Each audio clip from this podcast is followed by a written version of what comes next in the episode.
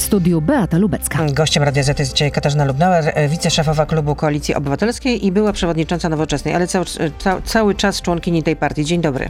Dzień dobry, witam Państwa. E, zakończyliście kontrolę w 16 kuratorium, e, kuratoriach, kontrolę poselską, ale nie tylko posłowie Koalicji Obywatelskiej kontrolowali kuratoria, także posłowie Lewicy. I co ta kontrola... To znaczy nasza kontrola, która dotyczyła wszystkich, wszystkich byli posłowie Koalicji Obywatelskiej. Ale Lewica też kontrolowała, przynajmniej małopolskie kuratorium.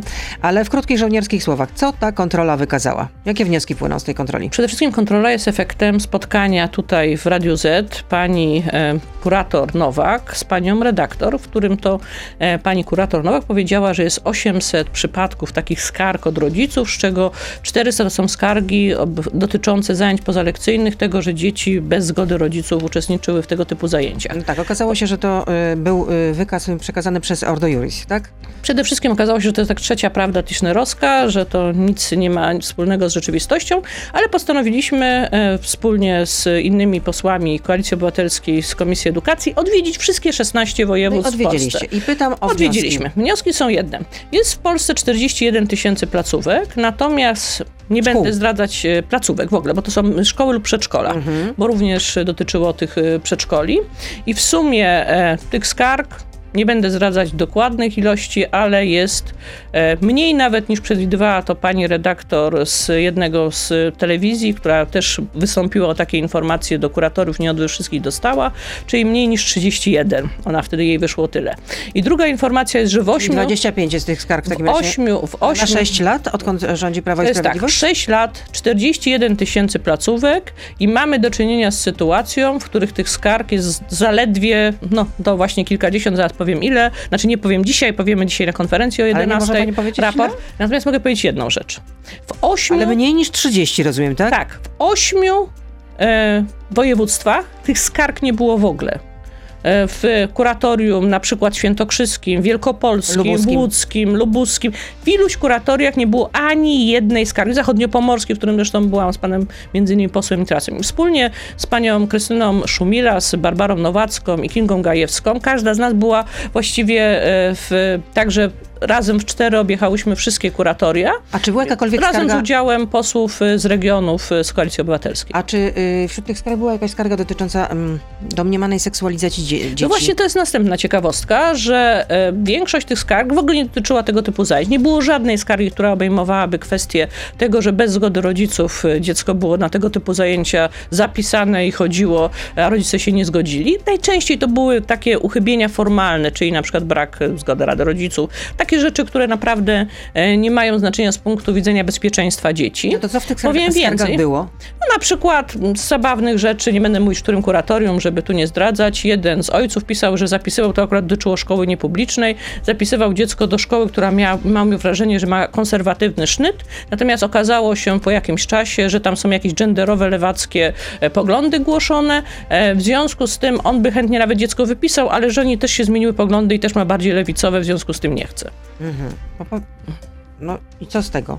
No właśnie, niewiele z tego wynikało i to właśnie między innymi właśnie tak wyglądają ale, tego typu ale skargi. skarga, no, konkretne zajęcia, że przyszła konkretna organizacja Tam była próba, tam była próba dotycząca na przykład tego, że są, nie wiem, tęczowe piątki, ale to powiedzmy szczerze, że nigdzie nie było sytuacji, w której mamy do czynienia z sytuacją, która najbardziej miała być powodem, której Lex Czarnek miał być przyjęty. Okazało się po prostu, że Lex Czarnek jest oparty na kłamstwach. Na kłamstwach, na fałszywych przesłankach. Nie było sytuacji, w której jakiekolwiek dziecko było zapisane na zajęcia, na które sobie rodzic nie życzył. Nie było sytuacji, w której te zajęcia były zagrażające bezpieczeństwu tego dziecka.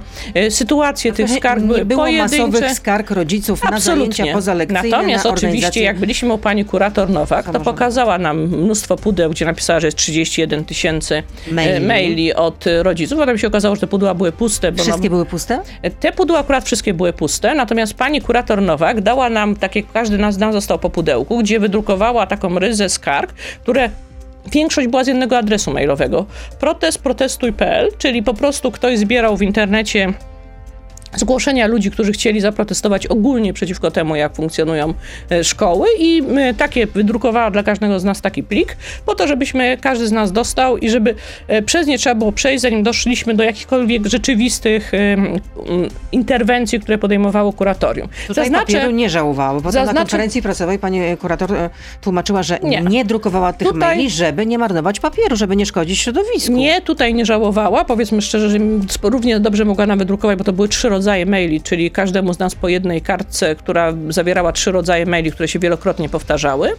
E, I co więcej, nie dotyczyły rzeczywistych skarg czyli rodziców. To fikcja generalnie. To była czysta, żywa fikcja i mieliśmy do czynienia z przekłamaniami dotyczącymi tego, jakie były powody Lex Czarnek i jak to rzeczywiście wygląda w rzeczywistości. Ale jeszcze my w ramach tych kontroli u pani kurator Nowak, bo u niej byliśmy trzykrotnie, za pierwszym razem dostaliśmy, to znaczy dokładnie pani Krystyna Szumira z panem Miszalskim, z panem Sobą, dostali listę ponad 200 organizacji, które które uważała za zagrażające. Okazało się, że to była organizacja, która dostała od Ordo Juris. I wśród tych organizacji było na przykład Stowarzyszenie Rodziców i Opiekunów Dzieci z Zespołem Downa e, Kochają Bardziej.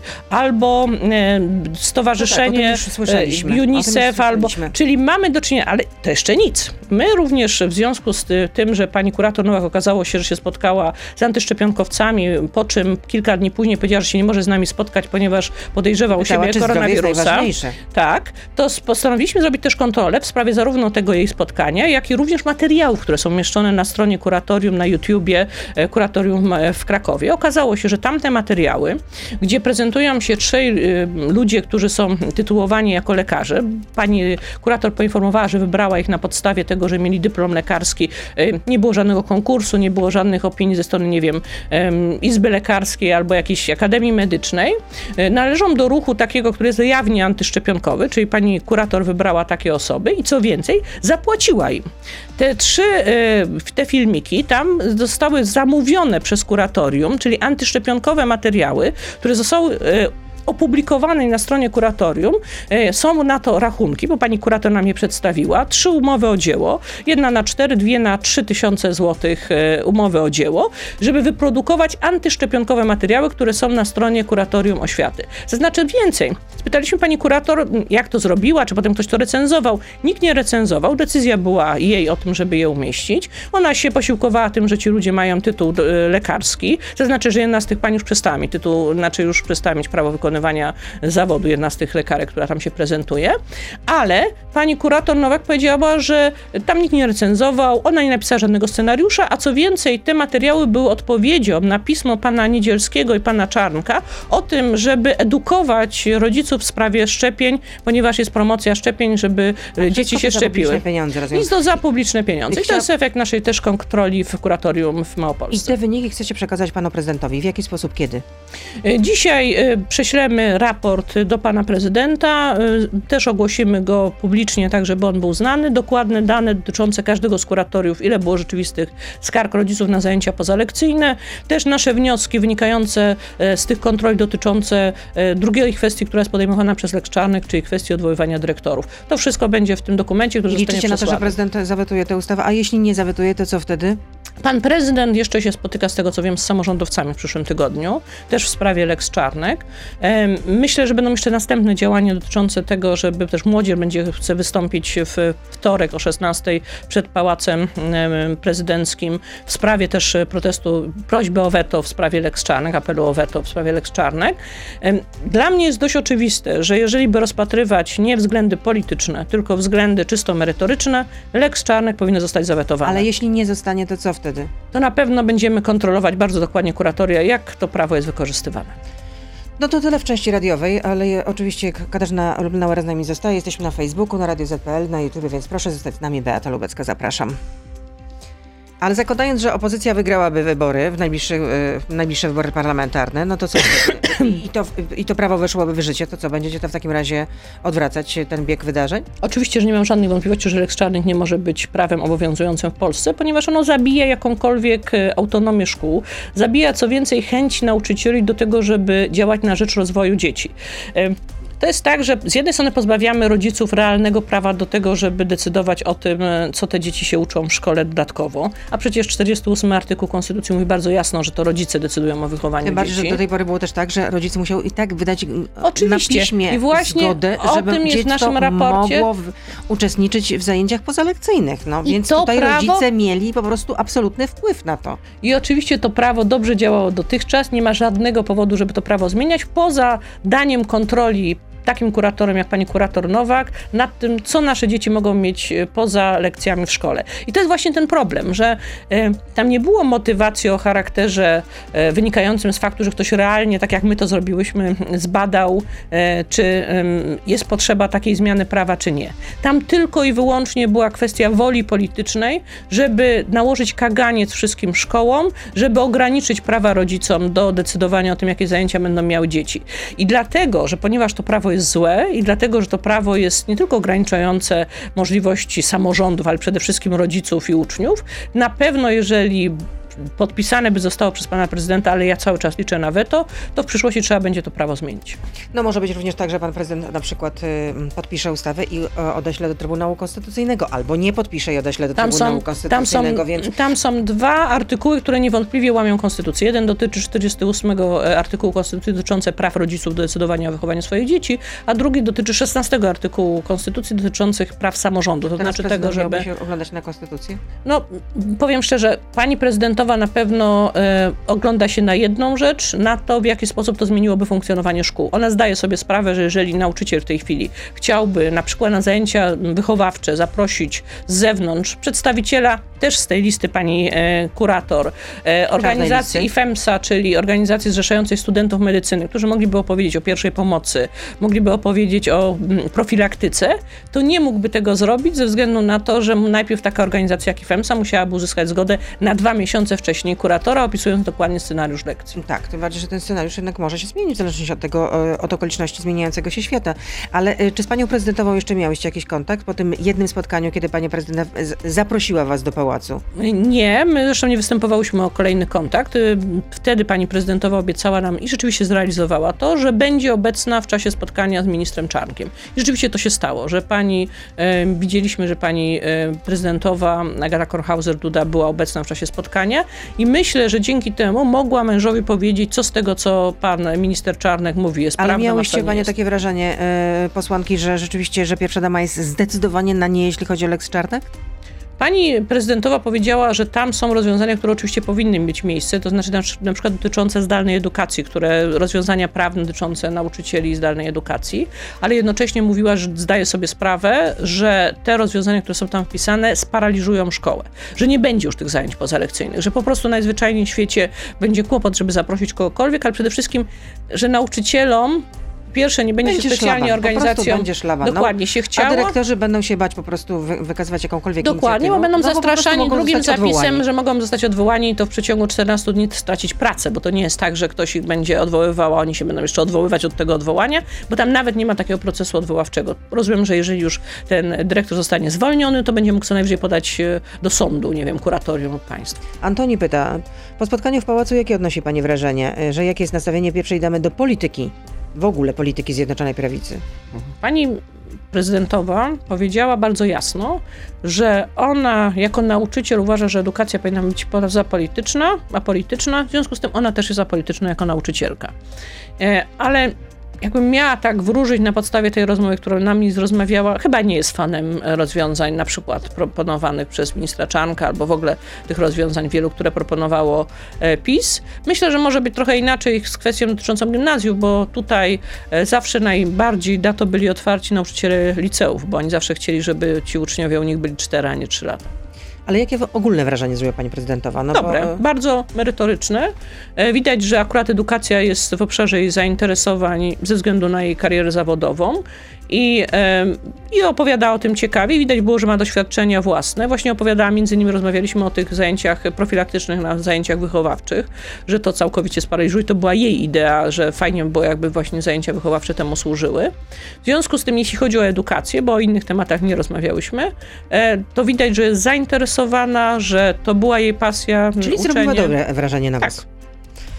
Jest pytanie kolejne od słuchacza. Załóżmy, że Lex Czarnek zostanie zawetowane. Czy myśli pani, że minister edukacji odpuści, czy jednak wymyśli jeszcze bardziej absurdalną ustawę, tak jak na przykład Marek Suski po prezydenckim wecie w sprawie Lex TVN? Przede wszystkim każde takie weto powoduje, że kupujemy czas, że jest szansa, że w końcu PiS przestanie rządzić i te złe rozwiązania nie wejdą w życie. E, ja mam nadzieję, że e, zauważmy, że w szkole to jest tak, że szkoła funkcjonuje w postaci e, rok, roku szkolnego, czyli jeżeli coś nie wejdzie od 1 września 2020 roku, 2022 roku, no to dopiero może wejść od 1 września 2023 roku. W związku z tym można powiedzieć, że jeden rocznik ratujemy przed złymi rozwiązaniami ministra Czarnka. Zauważmy, że w tym semestrze miało tak działać to prawo, żeby jeszcze pozwolić na funkcjonowanie tych zajęć, które już są w szkołach. One mają być zgłoszone do kuratorium, ale żeby nie zablokować tych zajęć, które już są i dopiero miało od 1 1 września działać.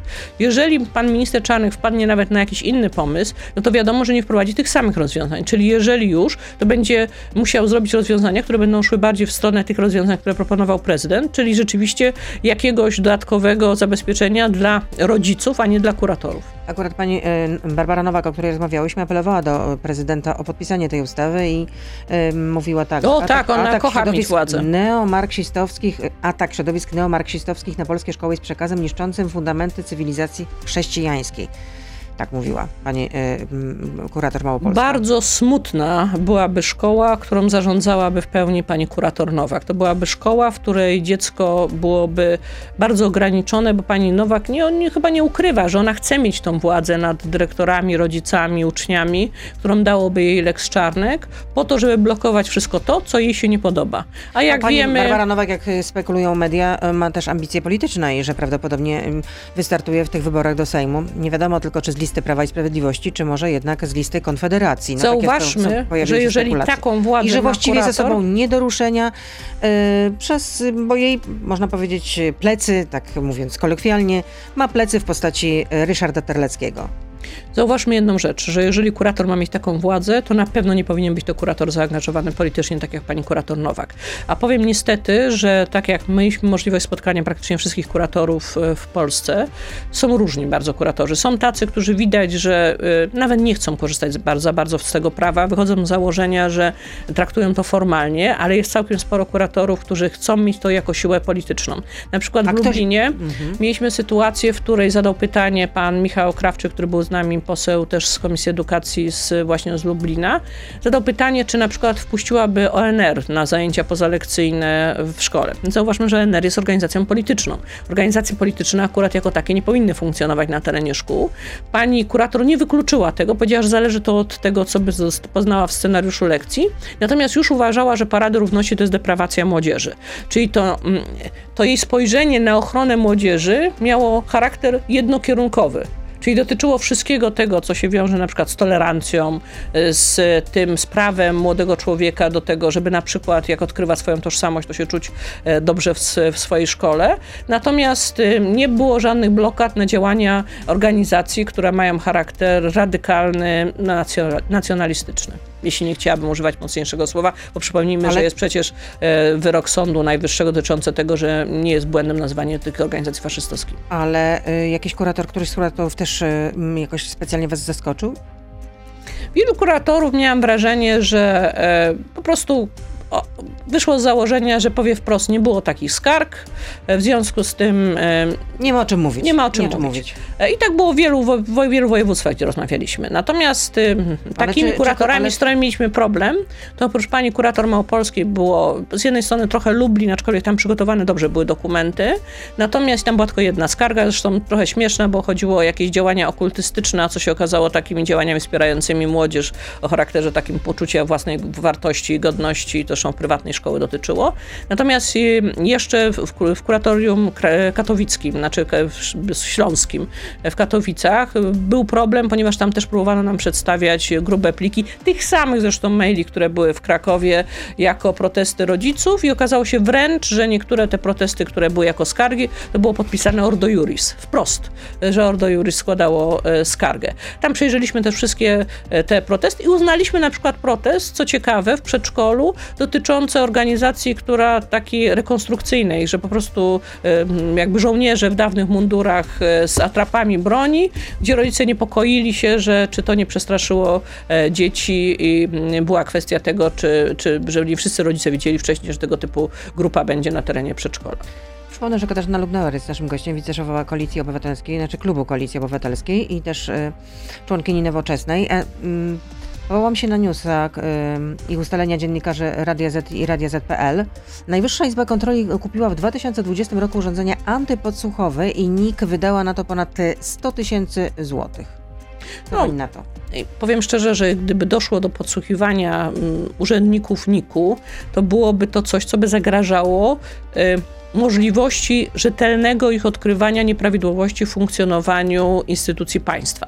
Zauważmy, że NIK kontroluje między innymi czy, e, czy służby w pewnym zakresie dotyczące wydatków majątkowych, czy Fundusz Sprawiedliwości, czyli ten, który podlega pod prokuratora, który z tego samego Funduszu Sprawiedliwości zakupił właśnie dokładnie dla podlega CBA, Ziobrze. Mm, podlega Ziobrze, który zakupił z tego samego e, funduszu mm, właśnie Pegasusa dla E, CBA, no bo wiemy, że z tego mm, zostało wydane te 20 para, tak naprawdę mm, łącznie są te wydatki rzędu 30 paru milionów złotych, więc nie dziwię się, że tego typu organizacja chce się zabezpieczyć, jeśli chodzi o możliwość podsłuchiwania. Czyli Pani zdaniem taki zakup jest zasadny? Myślę, że tak. Jestem przekonana, że nie może być tak, żeby e, osoby, które muszą zaskakiwać w niektórych kwestiach kontrolowanych, e, mogły być podsłuchiwane przez na przykład służby. Z ustaleń e, naszych dziennikarzy wynika, że nie kupiła cztery urządzenia, które wykrywają podsłuchy, pluskwe radiowe, kamery czy dyktafony i jedno z nich wykrywa podsłuchy, podsłuchy działające w technologii 5G, a kolejne miniaturowe urządzenia podsłuchowe to jak karta SIM. I e, kolejne ustalenia dziennikarzy e, Radia ZPL, że ten zakup jest ściśle związany z momentem, kiedy e, doradcą społecznym został w, w, najwyższej, w Najwyższej Izbie Kontroli Jakub Banaś, czyli syn Mariana Banasia. Pamiętajmy jednej rzeczy. Marian Banaś nie został wybrany naszymi głosami. I na pewno to my zwracaliśmy uwagę na to, że mogą być problemy. Tak, że mogą być problemy z jego oświadczeniem majątkowym. Wtedy PiS mówił o kryształowym Banasiu, mówił bardzo pozytywnie o, e, o kryształowym Marianie, bardzo pozytywnie o Banasiu. Natomiast w tej chwili widzimy jedną rzecz, że na skutek jakiegoś konfliktu między panem Marianem Banasiem, prezesem Niku, a mm, PiSem, e, Marian Banaś pozwala swoim urzędnikom, czyli urzędnikom Najwyższej Izby Kontroli, rzetelnie realizować kontrole dotyczące instytucji państwa. A to jest w interesie obywateli. W związku z tym Tylko te pytanie, próby, czy, ten czy, akt czy tak, syn, zniszczenia... Czy syn prezesa powinien być jego doradcą społecznym? No nie bierze za to pieniędzy, jakiś doradcą społecznym. Dokładnie, więc po pierwsze nie bierze za to pieniędzy, jak rozumiem, że chodzi o to, żeby mógł formalnie wchodzić do terenu e, Tak, placówki. że miał pewne uprawnienia. Dokładnie. Natomiast z mojego punktu widzenia najważniejsza jest jedna rzecz. Czy nikt uczciwie, rzetelnie i z pełną konsekwencją bada funkcjonowanie instytucji państwowych, wydatkowanie publicznych pieniędzy. I jestem przekonana, że to się dzieje. Dlatego, że NIK to nie jest tylko prezes i to są władze NIK-u, to jest mnóstwo inspektorów, którzy pracują tam od wielu, wielu lat i trzeba zrobić tylko jedną rzecz pozwolić tym kontrolerom rzetelnie działać, pozwolić im na to, żeby kontrolowali, nie bojąc się tego, że będą podsłuchiwani, że będą prześladowani i że władza tego NIK-u będzie w jakikolwiek sposób im e, kontrolować ich, co oni robią. Oni mają mieć e, wolną rękę I dzięki temu my musimy się dowiadywać, że na przykład 25 milionów z Funduszu Sprawiedliwości, funduszu przeznaczonego na pomoc ofiarom przestępstw, zostało przeznaczonych na zakup Pegasusa po to, żeby podsłuchiwać i inwigilować Polaków. No tak, Między innymi opozycję. Prezes nie pokazał fakturę. A nie zakłuło pani serce, kiedy usłyszała, że y, Platforma Obywatelska chciałaby y, wchłonąć nowoczesną?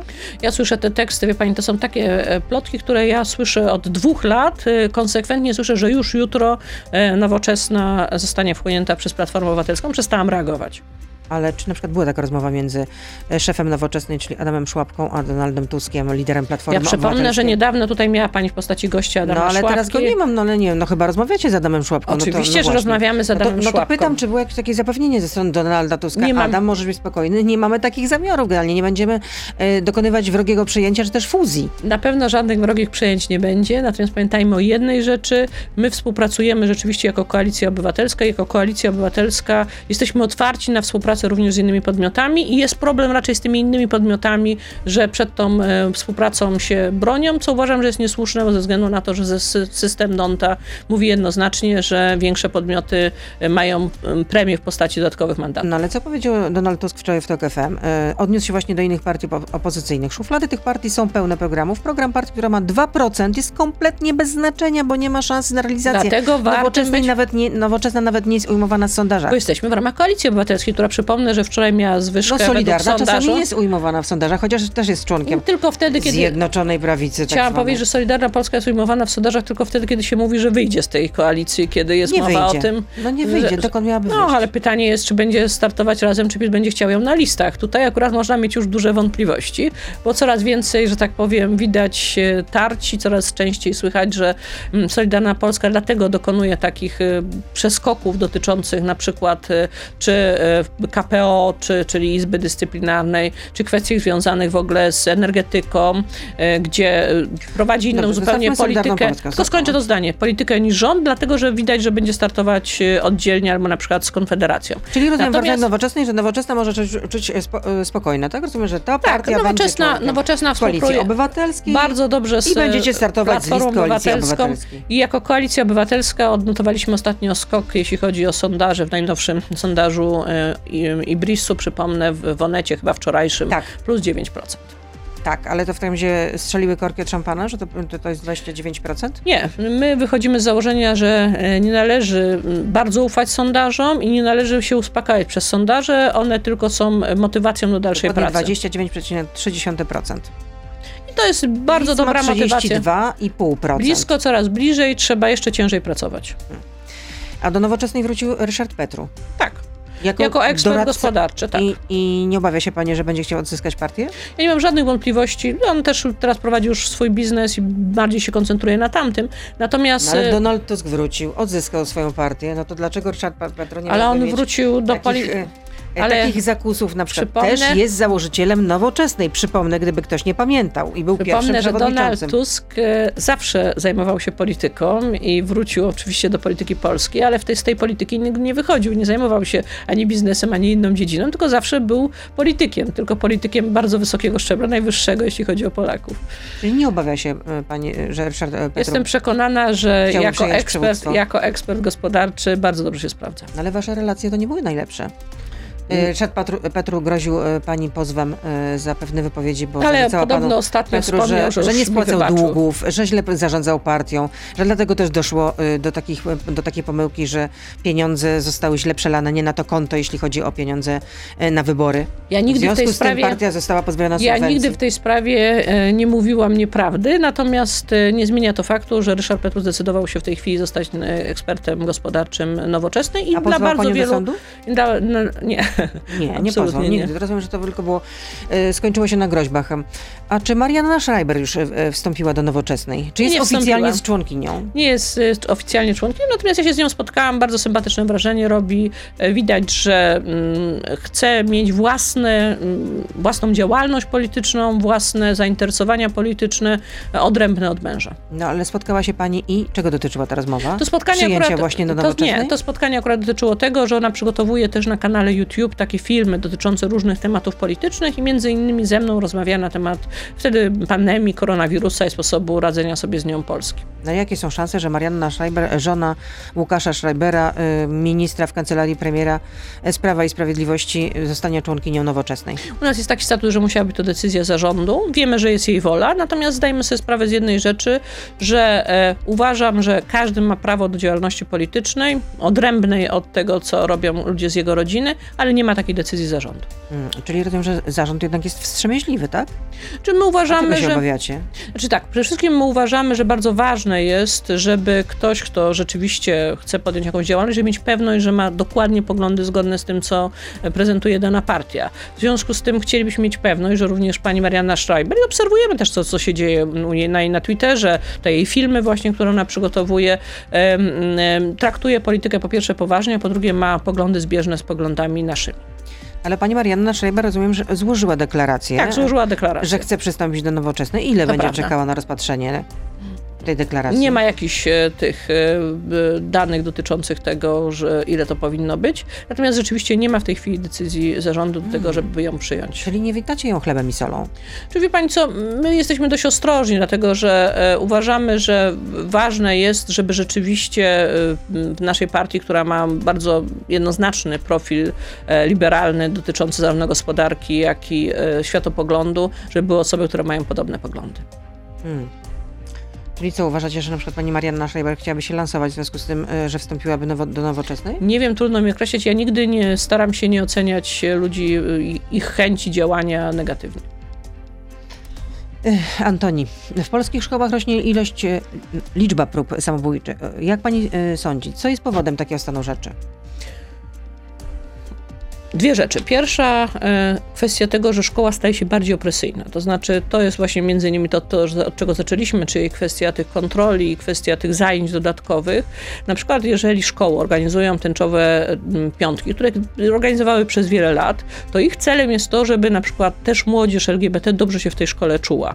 Jeżeli szkoła opresyjna, a inny powód? Kolejne. y, Mamy przeładowane programy. Często dzieci są, czują się przemęczone, często się czują zestresowane, często mamy sytuację, w Niechętnie której... chodzą do szkoły, tak? Niechętnie, i to wychodziło zawsze, to znaczy wszystkie testy PISA pokazywały duże osiągnięcia polskiej młodzieży, jeśli chodzi o wyniki, natomiast te badania, które dotyczyły poczucia młodzieży, jeśli chodzi o y, stosunek do szkoły, tam niestety wypadaliśmy zawsze dużo gorzej, czyli okazało się, że polska szkoła jest po prostu właśnie dokładnie w jakiś sposób opresyjna i to powinno się zmienić. Szkoła powinna być cie- ciekawsza, bardziej praktyczna i, powód, przede wszystkim odciążona. Samobójczych, czy może jednak na przykład Kolejna kwestia. Otoczenia, też media społecznościowe Też, robią to, swoje. to ma swoje i to jeszcze w czasie zdalnej edukacji niestety to się zwiększyło. Zwykle y, szacuje się, i to jest na całym świecie, że około 9-10% młodzieży ma kłopoty ze zdrowiem y, psychicznym, znaczy ma problemy typu stres szkolny, ale różne to są, depresja, kłopoty żywieniowe, różne typy, tego typu y, problemy. Natomiast po pandemii to badania są Ministerstwa e, Edukacji, w związku z tym to nie są badania, to są na potrzeby Ministerstwa Edukacji przeprowadzone badania, których poznaliśmy wyniki, E, to mówi już o 20%, czyli o podwojeniu się liczby osób, które mają jakieś problemy em, psychiczne związane z, em, ze swoim zdrowiem psychicznym e, po czasie zdalnej edukacji i pandemii. No jednak to środowisko rówieśnicze bardzo często jest ważne. Kolejnym elementem jest to, że w czasie zdalnej edukacji ta młodzież, która podlegała w domach na przykład przemocy rodzinnej, e, która miała tego typu problemy, normalnie to szkoła była tym miejscem, w którym ona mogła znaleźć zarówno odpoczynek jakby od tych problemów, jak i również pomoc. W tej chwili czas zdalnej edukacji uniemożliwił to. Zwiększył też presję związaną właśnie z mediami społecznościowymi, czyli to, że byliśmy bardziej oceniani przez te media społecznościowe, było istniało ryzyko, że będziemy nagrywani. Młodzież też stresowała się często tym, w jakich warunkach na przykład mieszka i że to widzą e, inni uczniowie. Stąd e, e, trzeba było interweniować w sprawie tego, że każdy nauczyciel wymagał na przykład kamerki, a nie każdy uczeń chciał pokazywać, w jakich warunkach pracuje. Tych elementów, które się składają na to, co nazwalibyśmy zdrowiem psychicznym, jest bardzo dużo. Jest kolejna. Co robi z tym państwo? My mamy w tej chwili cały czas na etapie pilotażu kwestię tego mm, trz- trzyreferencyjnego etapu y, tego programu dotyczącego pomocy zdrowotnej. Mamy za mało miejsc w szpitalach dla dzieci, ale przede wszystkim dlatego, że nie ma pomocy ambulatoryjnej wcześniej. Nie wszystkie dzieci, które trafiają do szpitali, powinny znaleźć się w szpitalach, ale często, ponieważ nie mają wcześniejszej pomocy lekarza, psychiatry na, na etapie Lądują ambulatoryjnym, to lądują w szpitalu i tam tych miejsc jest za mało. E, Powinien ten pierwszy etap to jest pomoc psychologa. Z tymi psychologami, Czyli z terapeutami jest profilaktyką jest na bakier jest, y, również, tak? tak, dokładnie, jest bardzo duży problem. W wielu bardzo placówkach szkolnych nie ma pedagoga, nie mówię już o psychologu, ale nawet nie ma pedagoga na pełnym etacie. Taki, to był kiedyś raport NIK-u dotyczący 2019 roku bodajże, który o tym mówi. Czyli tych elementów, które się składają na problem ze zdrowiem psychicznym dzieci, e, prób samobójczych jest bardzo wiele. No i kwestia tego ostatnia, czyli telefonu zaufania. W momencie, w którym okazało się, że telefon zaufania przejął Rzecznik e, Praw Dziecka, w momencie, w którym był przez długi czas dobrze funkcjonujący ten e, telefon, em, Prowadzono przez organizację pozarządową. tak, 16 111 bodajże, który e, Dajmy Dzieciom Siłę, przez jedną z tych organizacji, którą zresztą pani kurator wpisała na organizację Czarną listę. na czarną listę. I to jest organizacja, która po pierwsze prowadziła od dawna ten telefon. Tam bardzo dużo dzieci zna ten numer telefonu, bo to miał być numer e, też ogólnoeuropejski. I powiem więcej. W tej chwili udało się dzięki jednemu z e, e, internautów na Twitterze zebrać prawie 2 miliony na ten telefon i on funkcjonuje, także młodzież spokojnie może dzwonić i znaleźć tam pomoc. Natomiast ministerstwo, kiedy ogłaszało konkurs, to okazuje się, że jednym z wymogów było to, żeby to był inny numer telefonu niż jest dotychczas. To jest oczywiście całkowitym błędem, bo powinno się ten telefon, który dzieci znają e, i które, któremu ufają, e, przedłużać, a nie e, stwarzać nowe telefony. Jakie jest Pani stanowisko, jeśli chodzi o powrót dzieci do szkół? Niewątpliwie zdalna edukacja to nie jest prawdziwa edukacja, to jest namiastka. No tak, ale czy to już jest ten moment, kiedy uczniowie powinni wracać do szkół?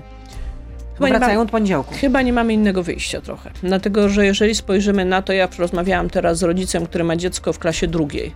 Jego dziecko praktycznie do tej szkoły, można powiedzieć, od y, prawie dwóch lat chodzi z takimi przerwami, że trudno powiedzieć, że stworzyło jakąś zgraną grupę ze swoimi kolegami. Trudno powiedzieć, że w pełni zna swoją panią, że mamy do czynienia z sytuacją, w której szczególnie dla najmłodszych dzieci to ta zdalna edukacja jest y, bardzo dużym błędem. Dobrze więc, że teraz na przykład nie dotyczyło to klas 1 3. Czyli rozumiem, że dobrze się stanie, jeśli y, uczniowie wrócą od poniedziałku do y, Ale wie pani co, jest jedna rzecz. Po pierwsze, to będzie trochę fikcją, dlatego że będziemy mieli bardzo często jednak w dalszym ciągu przypadki, w którym klasy będą dzieci na, na kwarantannach, kiedy ktoś chory będzie z rodziny. Zlikwidowano już tą kwarantannę, która dotyczy osób z kontaktu, ale które nie, y, nie, nie mieszkają ze sobą y, chorą y, ale to wszystko trzeba będzie obserwować. Dane liczbowe ma Ministerstwo Zdrowia, E, dane liczbowe ma Ministerstwo Edukacji. My jesteśmy tych danych, możemy, mamy tyle, ile, że tak powiem, ktoś z Ministerstwa Zdrowia ogłosi najczęściej rano w mediach. Konrad, y, co pani sądzi o idei bonu oświatowego? Uważam, że bon oświatowy w jakiejś postaci powinien być prowadzony i powinien promować te e, szkoły, które są najlepsze. To znaczy, powinna być zasada, że jeżeli szkoła jest w stanie pozyskać uczniów również spoza swojego e, obwodu, e, to znaczy, że jest lepszą szkołą i że jest w ten sposób premiowana. Być może to powinien być bon na pewne działania, nie na wszystkie, nie na, na pełną ofertę edukacyjną, bo nie możemy też doprowadzić do sytuacji, w której będą czarne, właściwie białe plamy i nie będzie mm, żadnej publicznej oświaty w jakichś miejscach. I pytanie obowiązkowe. Mm, ile długu jeszcze zostało do spłaty w nowoczesnej? Tyle samo, co poprzednio, jak był tutaj Adam Szłapka, pani redaktor mówił, nic się nie zmieniło od tego czasu. No to, to nie pamięta pani ile? Nie, nie pamiętam, też słucham. Rozumiem, to teraz rozumiem, że to wszystko już jest na głowie Adama Szłapki. Nie, on nie o to chodzi mi, o to jest, jesteśmy Albo. Wspólnie, jesteśmy wspólnie odpowiedzialni oczywiście na to, co się dzieje w nowoczesnej, natomiast po prostu te pytania, to jest ciekawe, dlatego że ja może jeszcze raz to powiem bardzo wyraźnie. My nie mamy zobowiązań do Skarbu Państwa. Nie Zaciągnęliście mamy, kredyt y, komercyjny w który banku. normalnie spłacamy. I spłacacie. Mamy. Teraz rozumiem, że raty raty kredytu też wzrosły, tak? Tak, ale spłacamy je, mamy rozłożone na dłuższy czas i spłacamy. W związku z tym ja nie ale wiem skąd te pytania, kolejny kredyt, bo nie wiem, spłacacie nie, po spłacamy po prostu ze składek, został, tak? został zmniejszony i spłacamy tam ze składek. Co znaczy został zmniejszony? Y, znaczy raty, że się przedłuża, a za to zmniejszone raty. A, okej. Okay. Natomiast chciałam powiedzieć, że te pytania mam wrażenie, że wynikają głównie z faktu, że część osób ma jakieś dziwne wyobrażenie na temat tego, że zobowiązania są w stosunku do państwa. Ja przypomnę, że jedyny dług, który został niespłacony, został umorzony przez państwo, to był dług PC, który, czyli partii Jarosława Kaczyńskiego i został y, umorzony przez centrum. Y, porozumienia centrum i został umorzony przez polityka PiSu, który był wtedy Nazywał ministrem. Wojciech Jasiński. Dokładnie, Wojciech Jasiński, a na czele wtedy porozumienia centrum jako likwidator stał inny polityków, y, polityk PiSu. I tak wygląda rzeczywistość. A to wyjazd... było niecały milion złotych. A wyjazd marszałka Grodzkiego na Florydę był potrzebny Pani zdaniem? Kiedy wisi nad nami widmo agresji rosyjskiej Szczerze mówiąc, pewnie bym nie wyjechała. Natomiast, e, jak rozumiem, e, zadaniem Senatu jest między innymi prowadzenie działalności wśród Polonii. Polonia należy do zadań jakby senackich. No tak, ale pan marszałek Grodzki spotkał się tam z przewodniczącym Rady Komisarzy Hrabstwa Miami-Dade. Nie, przedstawicielami lokalnego Mówiąc szczerze, nie śledziłam. rozmów z senatorami, kongresmenami, gubernatorami. Nie śledziłam tej wizyty. Rozumiem, że to jest wewnętrzna Senatu. Ja nie, szczerze mówiąc, nie jestem, jak wiadomo, to senatorem. Dla spotkań e, natomiast, dla trzeciej osoby w państwie. Natomiast przypomnę, że zdaje się, że w tej chwili pan senator pojechał na Ukrainę, żeby wesprzeć Ukrainę, bo to jest rzeczywiście sytuacja, w której wszyscy powinniśmy być bardzo um, solidarni z Ukrainą. Poselska też pojechała. Tak, poleciała. Była, była wcześniej deklaracja, ta um, delegacja poselska. Ale, ale, ale internet donosiła, że Donald Tusk miał się wściec z tego powodu. Nie rozmawiałam z Donaldem Tuskiem na temat wyjazdu pana Grodzkiego. No i jak ustalił por- portal, w Kancelarii Senatu w najbliższym czasie Z całym zaplanowano sze- kolejną delegację, tym całym- razem do Dubaju. Z całym szacunkiem te doniesienia portalu zwykle są e, tego typu właśnie, że ktoś się wściekł e, i tak dalej. Najczęściej są efektem po prostu plotek e, innych osób e, w danej partii, które bardzo chcą, żeby były takie teksty pod tym, ktoś się wściekł, Bo Donald Tusk się nie wścieka. Nie, po prostu nie wiem, nie, nie, nie opowiadam o plotkach. Nie, nie lubię plotkowania w polityce. To wszystko. Katarzyna Lubnauer, e, wiceszefowa klubu Koalicji Obywatelskiej, była z nami i członkini Nowoczesnej. Dziękuję, zdrowia życzę. Dziękuję bardzo. Dnia. Zapraszam do, Do do zapoznania się z raportem na temat e, kuratoriów. Będzie na stronie Koalicji Obywatelskiej też? Nie wiem, czy będzie na stronie koalicji, na pewno będzie na naszym Twitterze, Facebooku, czyli w tych miejscach, które są ogólnie dostępne. Dziękuję. Dziękuję bardzo. To był gość Radia Z. Słuchaj codziennie w Radio Z i na player radioz.pl.